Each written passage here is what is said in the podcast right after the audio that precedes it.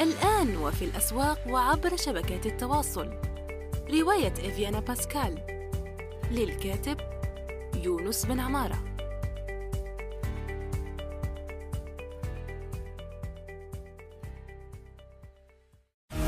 يونس توك خلاصة قراءات وتجارب في ميدان الترجمة والكتابة وصناعة المحتوى. تأتيكم أسبوعيا في قالب مميز وشيق يقدمها الكاتب والمترجم يونس بن عمارة. إن خير من استكتبت قلم قوي وفكر رصين. استكتب. منصة صناعة المحتوى النصي في العالم العربي. السلام عليكم ورحمة الله وبركاته. في حلقة جديدة من يونستوك طاب مساءكم وأسعد الله صباحكم حسب الوقت الذي تستمعون فيه إلى هذه الحلقة من البودكاست. الآن في هذه الحلقة سوف نجيب عن ثلاثة أسئلة. آه، واحد وصلني عبر صراحة والاثنان الآخرين عبر الإيميل. الإيميل تجدونه لما تكتبون مدونة يونس بن عمارة في جوجل. النتيجة الأولى سوف تجدون كافة المعلومات الاتصال إما صراحة أو البريد الإلكتروني. إذا مع السؤال الأول نص السؤال الأول يقول ما رأيك في الفيديوهات التحفيزية؟ هل تستعملها كمترجم أثناء عملك؟ سؤال آخر هل ترجمتها يبني معرض أعمال يبني معرض أعمال مناسب كمترجم لا يملك شيئا بعد في مساره المهني؟ وشكرا لقد اشتقنا إلى يونس توك بالمناسبة نتمنى عودتك. بالتوفيق يونس. شكرا لك أيضا. سوف نجيب عن هذا السؤال. الذي في الحقيقة أجبت عنه في حاسوب والذي جمعت يعني كافة تعليقاتي في كتيب لطيف وظريف صغير اسمه أفيد مئة تعليق كتبته على منصة حاسوب أي أو. قلت فيه أني هنا يقصد الأخ ما رأيك في الفيديوهات التحفيزية يعني؟ آه، هل تستمعه وأنت تعمل يعني أثناء عملك؟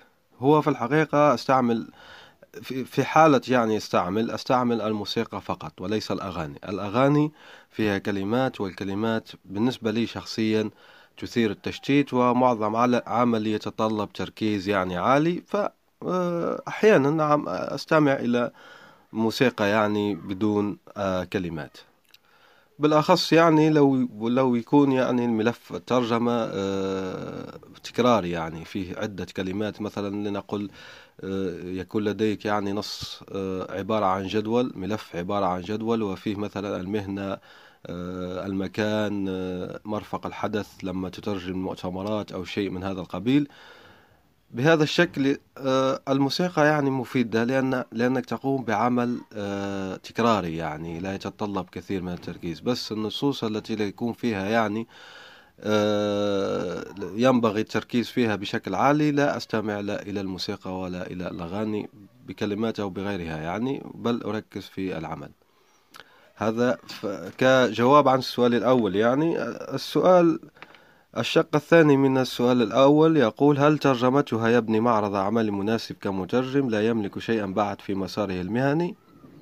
هي مفيدة بس فيها مشكلة الحقوق يعني فيها مشكلة الحقوق آه لما ينتشر مثلا فيديو كبير كثير يعني فيديو محفز تحفيزي بشكل كبير جدا في الإنترنت ويصبح فيروسي يعني فيرال آه حاجة يعني منتشرة جدا وبائية.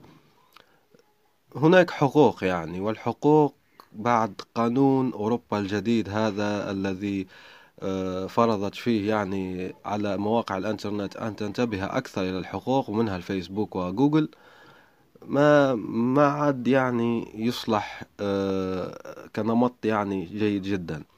هو مفيد يعني كمعرض أعمال بتريه أصدقائك تريه العملاء يعني العاديين. لكن العملاء من كبار يعني العملاء بيهتموا بقضية الحقوق وما ينفع معهم أنك تقدم لهم معرض أعمال فيه آه، فيديو أنت لا تمتلك حق آه، يعني ترجمته. شو نعمل يعني؟ الجواب هنا شو الحل؟ الحل بسيط هنا. ذلك أن معظم القنوات الغربية تبع الأمور التحفيزية والذات يعني تطوير وتنمية الذات فيها خاصية مفيدة واللي هي أنها تتيح الترجمة للمترجمين. يعني بتلاقي آه، بتلاقي الفيديو والمترجمين أسماء المترجمين مثلا ألباني تلقى واحد مثلا ألباني مو الشيخ الحديث الألباني لا آه، شخص ألباني. وهي البانيا ليش تجي بالاول لأن الترتيب الفبائي يعني أبجدي. بتجي الأول ألبانيا ثم الجزائر ثم كذا. بتلاقي ألبانية ثم العربيك العربية يعني و آه، الإنجليزية والفرنش وما إلى ذلك. فهم يتيحون الترجمة وبطريقة شرعية تماما. يعني أنت بيكون لديك معرض أعمال بس في اليوتيوب واسمك موجود يعني بعد ما يوافقوا على آه، الترجمة تبعك بيظهر اسمك كمترجم في ذلك الفيديو المشهور بتكون فيه في يعني 13 مليون مشاهدة مليون مشاهدة. وهذا ممتاز لك هذا ممتاز لأن الترجمة العربية التي تظهر للجمهور العربي بتساعدك واسمك بينتشر أكثر وأيضا طريقة شرعية تماما بيمكنك وضع الرابط في معرض أعمالك. الآن لو تسأل تقول لي كيف أترجم باليوتيوب؟ فذلك موضوع آخر يعني وليس صعب. ابحث في الانترنت عن كيف تترجم عبر اليوتيوب وراح تلاقي الطريقة سهلة بحول الله وتقوم بها وتضيفها إلى معرض أعمالك يعني. وما في مشكلة يعني لا يملك شيئا بعد في هذا المسار.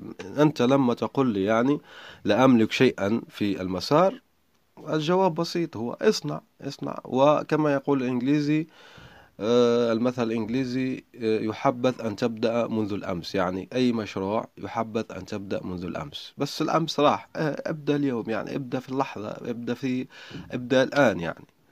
مثل ما أنا أعمل اليونس توك الحلقة هذه كنت يعني منذ أيام أقول وين أعملها وين أعملها وعملتها الآن أنا أسجل في هذه الحلقة. فأفضل شيء أن تبدأ الأمس كما يقول الإنجليزي.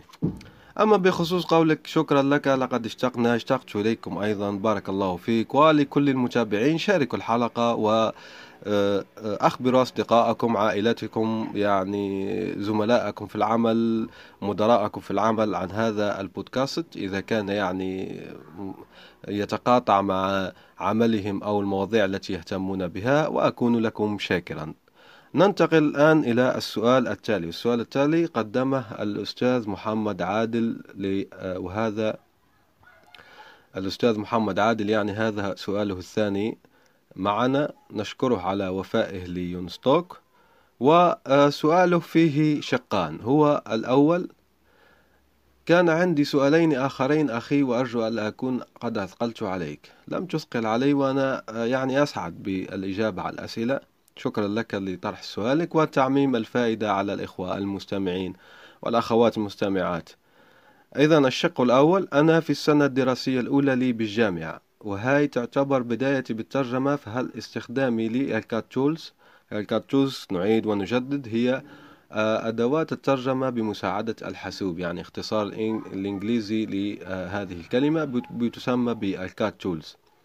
في هذه الفترة ف آه، قد لا يحسن من مستواي في الترجمة. الكلام هذا سمعته من كثيرين فأرجو أن أعرف رأيك في هذا الموضوع ولماذا لن يتحسن مستواي عند استخدام ال CAT tools أنا أفهم ماذا يقال يعني هو باختصار بيقول أن السنة الدراسية الأولى لي بالجامعة وبيقولوا سمعت من الآخرين أن استخدام ال CAT tools في هذه الفترة لا يحسن من مستواي في الترجمة فما رأيك؟ يعني سمعت كثيرين يقولون هذا الكلام فما رأيك؟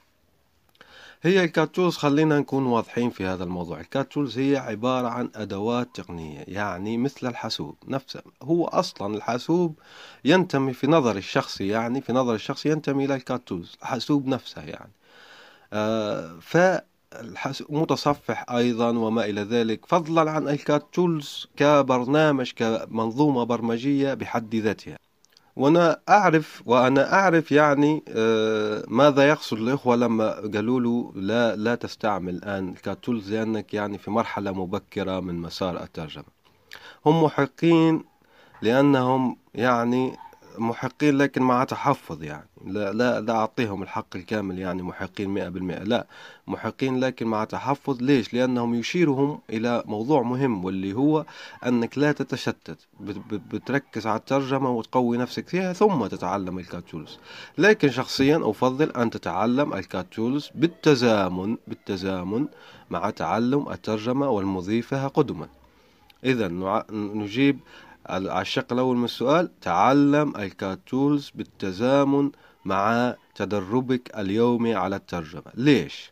لأن أولا نحن نعيش كما يقال في عصر السرعة فما عندنا وقت أن نتعلم الأشياء بشكل يعني توالي بالتوالي.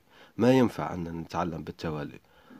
وإذا تعلمنا بالتوالي بتكون تنافسيتك فيما بعد يعني لما بيلاقوا ترجمتك يعني أنت ترجمتك جيدة وذلك ترجمته جيدة بس أنت بس هو يجيد ال CAT tools وأنت لا تجيد ال CAT tools أو لا تجيدها بعد مئة بالمئة فالأفضلية طبعا للشخص الذي ترجمته جيدة ويجيد ال CAT tools لذلك هنا هنا أحفز على التعلم بالتوازي وما بترهق نفسك يعني. تعلم بالتوازي كل مرة شيء بقليل بقليل. هذا مثل يعني مثل الناس الذين يدخلون الدولينجو. يعني شخصيا أنا أدخل الدولينجو وأتعلم الإسبانية في الوقت الحالي فالدولينجو ما ما بيأخذ منك في الوقت كثير جدا. يعني خمسة دقائق يوميا أنت بتحدد أنت بتحدد كم ستتعلم. هنا آه، مهم جدا تنظيم الوقت. فلما بتنظم وقتك يمكنك التعلم على التوازي. إذا جوابنا هنا تعلم بالتوازي. الشق الثاني من السؤال يقول المصطلحات الخاصة بالترجمة هذا الأمر هو ما جعلني أنفر من عملية الترجمة والمهنة كأصل لأنه بالنسبة لي هو من أصعب الأشياء. أن أقوم بحفظ مصطلحات وكلمات كثيرة. أنا لي ورد يومي أو مواظب على حفظ من عشرة إلى عشرين كلمة جديدة في اللغة عموما. ولكن عندما أترجم بدون القاموس أجد أن حصيلتي قليلة جدا من مختصرات ومصطلحات خاصة بالترجمة. فهل هناك شيء أو طريقة معينة أحفظ بها مصطلحات خاصة بالترجمة أو الأكثر شيوعا فيها؟ والأهم أني لا أنساها بسهولة وإذا أمكن كم يجب علي حفظ كمية من المصطلحات مع الكلمات كل يوم؟ عذرا على الإطالة في هذه النقطة لكنها تسبب عقدة لي وشكرا أخي. شكرا لك أيضا على طرح هذا السؤال. بخصوص نقطة المصطلحات الخاصة بالترجمة هنا نشير إلى أهمية المطالعة. لازم يكون لديك يعني ستة أو سبعة مواقع إنجليزية متعددة المجالات بتطلعها يوميا. وهنا نصحت أنا من قبل نصحت بموقع كورة موقع كورة هذا مو موقع كورة الذي يغطي أخبار كرة القدم المشهورة العربية لا كورة الإنجليزي يعني كورة آه، الإنجليزي والذي له نسخة فرنسية والذي له نسخة إسبانية ويابانية أيضا بس النسخة الإنجليزية مفيدة جدا وهي الأكبر. موقع كورة موقع للإجابات ويجيبك يجيبك فيها عن أسئلتك الناس الخبراء في العادة على كل حال. هذا الموقع مفيد يكون لديك يعني خمسة دقائق اطلاع يومي. ليش؟ لأنه هو بيغني بيغني ويثري آه، رصيدك من المفردات. وأيضا في حلقاتي السابقة من يونستوك تكلمت عن كيف تغني الذخيرة اللغوية تبعك. يعني آه، مجموع الألفاظ والمفردات التي لديك كيف تغنيها وتسريها وتضيف إليها؟ تحدثت كثيرا عن هذا الموضوع في حلقات يونستوك السابقة فعليك بالعودة إليه. لكن على كل حال سوف نجيب بشكل عام. يعني هو قال آه، أحفظ من عشرة إلى عشرين كلمة جديدة يوميا ممتاز جدا يعني. بس أنت لما بتحفظ يعني كلمات جديدة لكن ليست متخصصة يعني بتحفظ كلمات آه، خلينا بنقول مثلا آه، ريادة أعمال بالإنجليزية أو ride sharing مع يعني مثلا مثل كريم. كريم وأوبر ride sharing sharing service يعني خدمة آه، مشاركة الركوب هذا الترجمة الحرفية أو خدمة حجز السيارات كما تقول موقع كريم الرسمي باللغة العربية. فهنا يعني هذه المصطلحات وهذه الأشياء التي تتكرر في الإعلام آه، يجب أن نكون مطالعين جدا لكي نكتسبها يعني. فتكتسبها وبتصبح شيء عادي. أما الشيء المتخصص يعني يعطوك وثيقة متخصصة في موضوع معين فليس بالضرورة أن تترجم بلا قاموس. أنت هنا خاصة لو تكون يعني مترجم تحريري. أنت لست مترجم شفوي. إلا إذا كنت يعني تهدف إلى أن تصبح مترجم شفوي. لو كان هدفك أن تصبح مترجم شفوي فهنا لن أفيدك جدا لأني شخصيا لست مترجم شفوي. فهناك أيضا في اليوتيوب آه، يعني محتوى مفيد جدا في الترجمة الشفوية تابعه ويفيدك. نحن هنا نتحدث عن التحريري فالتحريري لست مضطر في الوثائق الخاصة المتخصصة يعني في مجال معين مثل الطب أو البترول أو شيء أن تترجم بلا قاموس بل بالعكس يجب أن تستعمل القاموس. لكن ما هو المعيار يعني؟ ما هو المعيار؟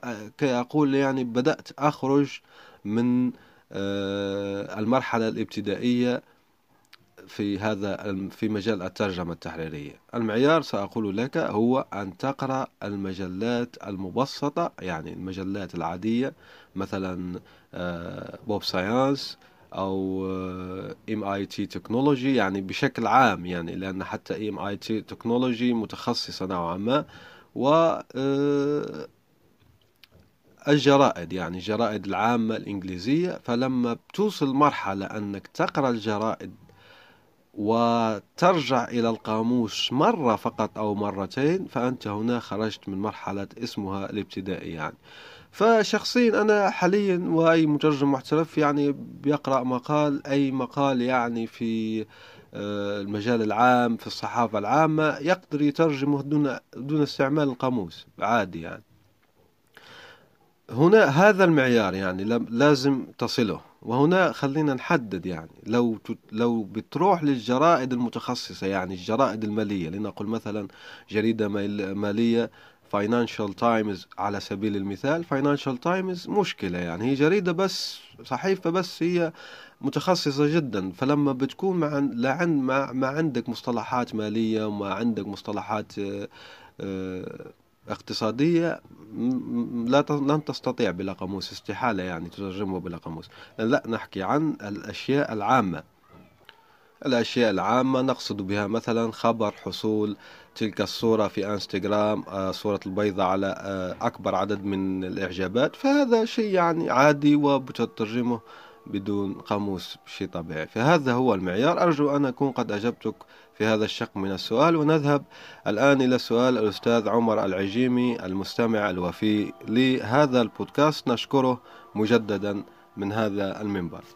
يقول الأستاذ عمر آه، العجيمي مرحبا أخ يونس كيف حالك؟ آه، أنا بخير وأرجو أن يكون كل المستمعين هنا بخير وصحة وعافية وأتمنى لهم السعادة والنجاح في حياتهم على كافة الأصعدة بحول الله. يقول الأستاذ آه، أتمنى أن تكون أنت وكل أهل الجزائر بخير. شكرا لك. لدي سؤالان أعتقد أنهما مهمان لأي مترجم في هذا العصر. أقول أن يعني شكرا جدا لهذا السؤال لأن أو لهذا السؤالان لأنك تفيد يعني الناس لما بتطرحهم نيابة عنهم وبتستفيد أنت شخصيا. أرجو ذلك.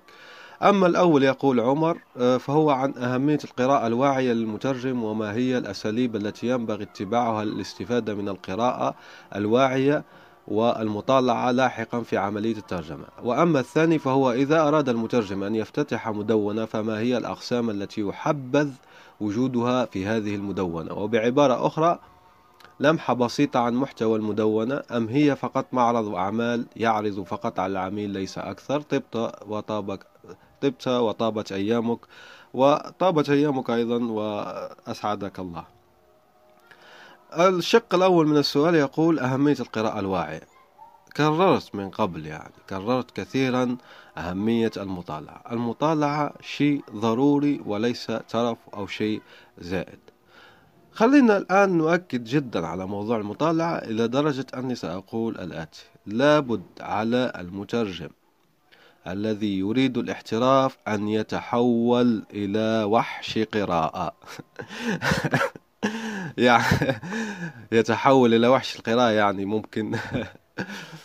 هذا الكلام يعني مبالغ فيه كثير. لا مش مبالغ. أؤكد يجب أن يتحول إلى وحش قراءة. والشيء الآخر لا ينتظرن القمر حتى يكتمل لكي يتحول إلى وحش قراءة أو ذئب قراءة. أكيد يعني أنا أتيت بهذه الكلمة بأسلوب يعني طريف لكي أؤكد على أهمية القراءة. القراءة والمطالعة الواعية. يجب أن يكون المترجم قارئ نهم. يجب. هذا شيء ضروري. لا مفر منه لا مناص منه لا غنى عنه لا يعني ما في شيء يعوضه. يجب أن تقرأ. حاليا شخصيا أقرأ يعني آه، آه، في كتابين. كان كتاب يعني قرأته من مدة وأنصح به مفيد جدا مفيد جدا أيضا للحالة النفسية للاستقرار الحالة النفسية وللتخطيط للمستقبل وللعيش بطريقة آه، ممتازة وفي سلام داخلي. عنوان الكتاب هو آه، تأملات لماركوس أوروليوس بترجمة مصطفى عادل الدكتور مصطفى عادل. وهو مترجم ممتاز أنصح به. هنا لما بتقرأ بتعرف الترجمة كيف تمشي. والأستاذ مصطفى عادل لديه كتاب جديد صدر 2019 اسمه آه، طريقة العيش آه، نسيت اسمه بالضبط لحظة سوف آه، أستشير هاتفي وأقول لكم ما عنوانه. عنوان الكتاب هو الفلسفة طريقة حياة هكذا يعني. بالضبط. الفلسفة طريقة حياة. التدريبات الروحية من سقراط إلى فوكو بيير هادو. نقله إلى العربية وقدم له وزوده بالتعليقات والشروح. الدكتور عادل مصطفى مشكورا. يعني هذا الكتاب كما قلت مفيد جدا ولديه أيضا آه، المختصر ترجمة من قبل المختصر واسمه للمؤلف إبيكتيتوس وهو مفيد جدا أيضا. آه، في هذا المجال وأيضا كاقتراحات. يعني أنا الآن اقترحت ثلاثة كتب ترجمها الدكتور عادل مصطفى. هي تأملات ماركوس أوروليوس والمختصر إبيكتيتوس آه، والفلسفة طريقة حياة. ولما نطالع يعني بنلاقي في الحواشي المفيدة جدا التي قدمها الدكتور مصطفى عادل. بنلاقي يعني معلومات مفيدة جدا يعني في الترجمة بتفيدنا وتضيف إلى الذخيرة اللغوية تبعنا حتى لو اختلفنا يعني لو أنت يعني أه وصلت يعني إلى إلى مستوى عالي يعني في الترجمة وتخالفه الرأي في بعض الأشياء لكن يبقى من المفيد أن تطلع على وجهة نظره. الآن أنا آه، أمضي يعني بال في آه، في الهاتف لكي أرى آه، ملاحظة مهمة قالها الأستاذ مصطفى عادل الدكتور مصطفى عادل عن آه، ترجمة العنوان. وتقول عنوان الترجمة الإنجليزية للكتاب هو Philosophy as a way of life لذا فالمقابل العربي الصحيح هو الفلسفة طريقة حياة بفتح طريقة. إذ هي منصوبة على التمييز فالمعنى هو الفلسفة كطريقة للحياة أو الفلسفة بوصفها طريقة حياة. هذا أيها الأخ الأستاذ عمر العجيمي نموذج عملي عن القراءة الواعية. نحن لما بنقرأ نتاج المترجمين المهمين والذين يعني يبذلون جهد جهد آه، حقيقي وبحث عميق نستفيد من ملاحظاتهم مثل هذه الملاحظة التي ذكرتها للدكتور مصطفى عادل. إذا أنصح بكتبه وقد ذكرت كما يقال ثلاثة وأيضا ثلاث عناوين ترجمها وهي مفيدة جدا يعني حتى من ناحية لا تفيد يعني فقط في الترجمة وإضافة ذخيرة لغوية إلى المترجم.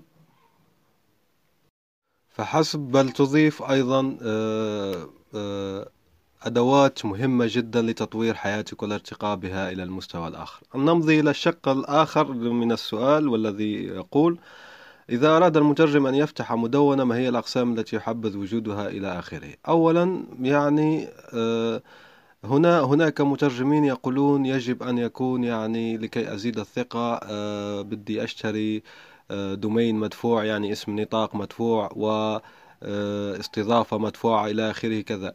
أقول لك إذا كنت تعاني يعني من حلول الدفع و جملة كبيرة جدا من المواطنين العرب يعانون من ذلك فلا داعي لشيء مدفوع بل امضي مباشرة مع المجاني Blogger Medium أو كراميلا وهي منصة يعني للتدوين بصناعة عربية ممتازة.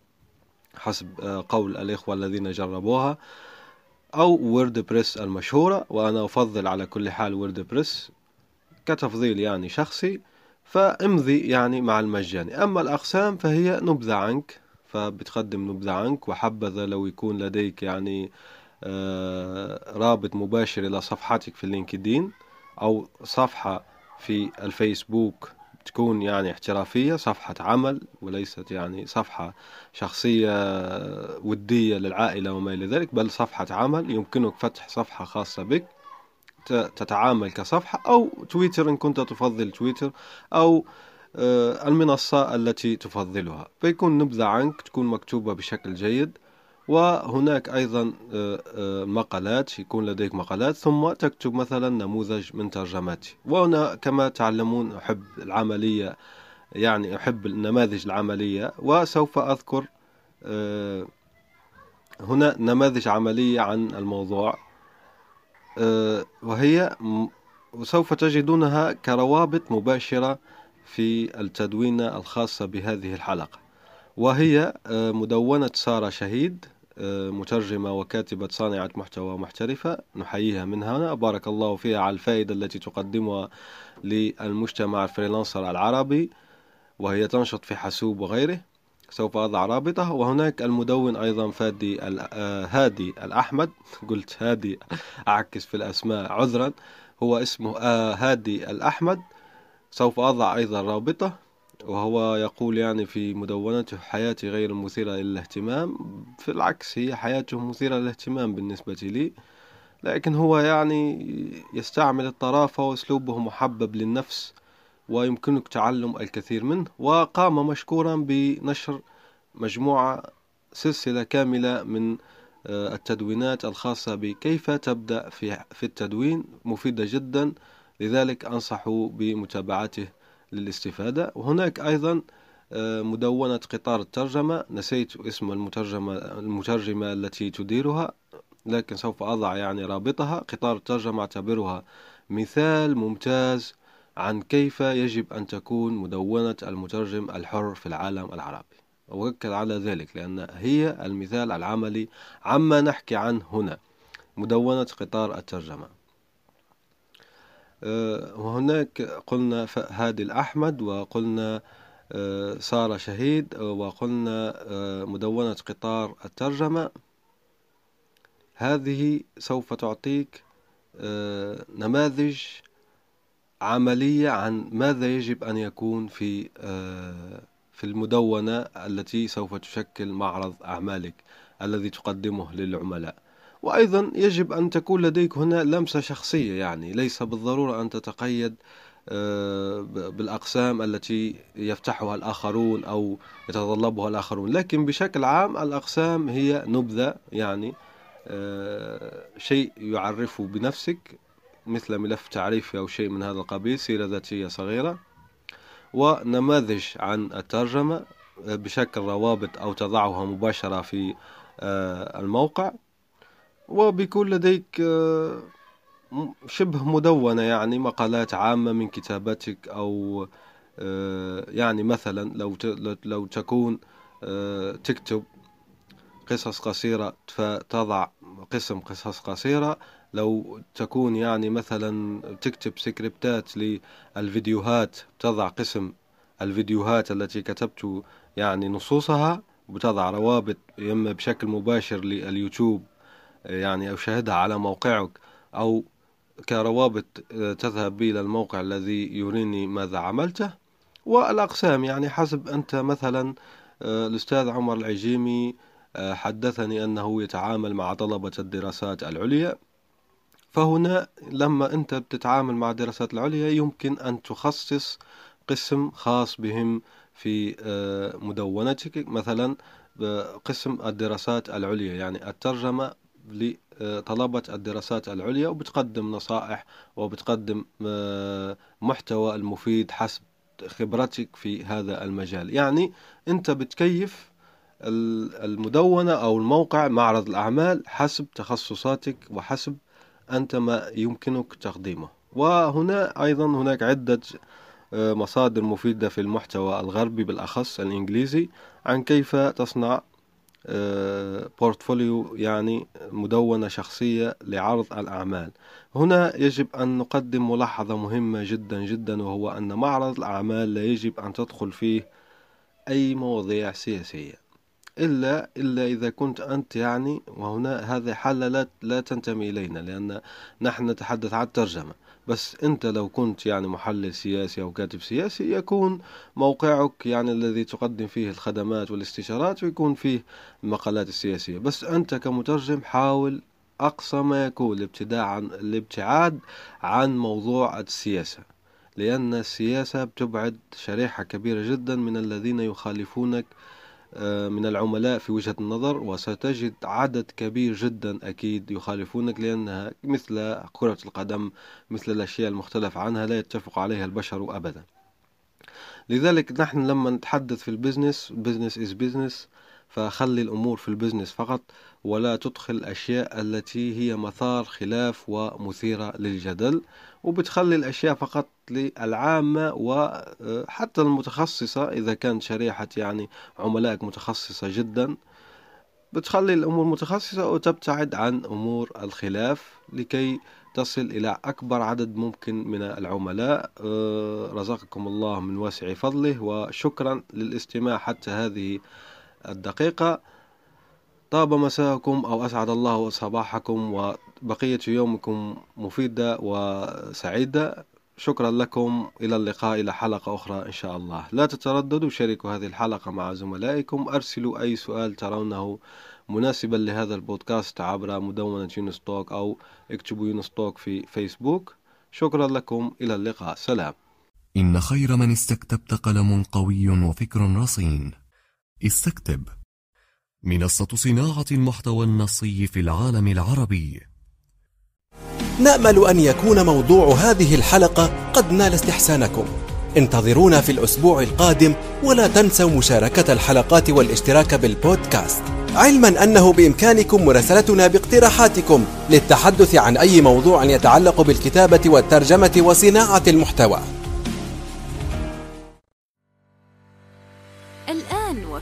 وفي الأسواق وعبر شبكات التواصل. رواية إفيانا باسكال. للكاتب يونس بن عمارة.